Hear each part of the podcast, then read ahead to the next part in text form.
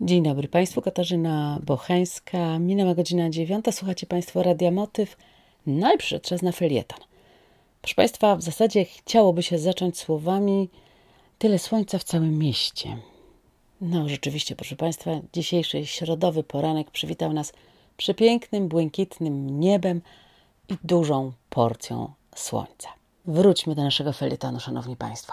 Zadziwiające jest, jak niektóre święta potrafią się uzupełniać – w kalendarzu świąt nietypowych w dniu dzisiejszym, czyli 31 marca, zeszły nam się dzisiaj dwa święta. Święto backupu i święto budyniu. Każdy, kto korzysta z komputera zawodowo, ale też naukowo czy edukacyjnie, przeżył przynajmniej raz w życiu taki dzień, w którym utracił ważne dane, bo ich nie zapisał na dodatkowym nośniku. A co gorsza, w wyniku ataku cyberprzestępców na przykład utraciliśmy dane, bo ich nie przekopiowaliśmy i nie zabezpieczyliśmy. Rachunek sumienia pozostawię Państwu na potem.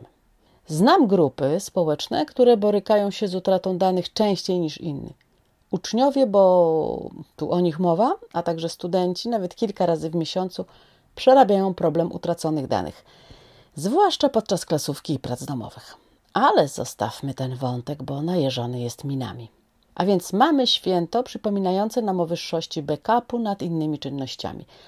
Zwłaszcza jak uwzględnimy prawie 12 miliardów dolarów straconych w 2020 roku przez firmy, które zderzyły się z cyberatakiem, no to to święto wydaje nam się całkiem zasadne.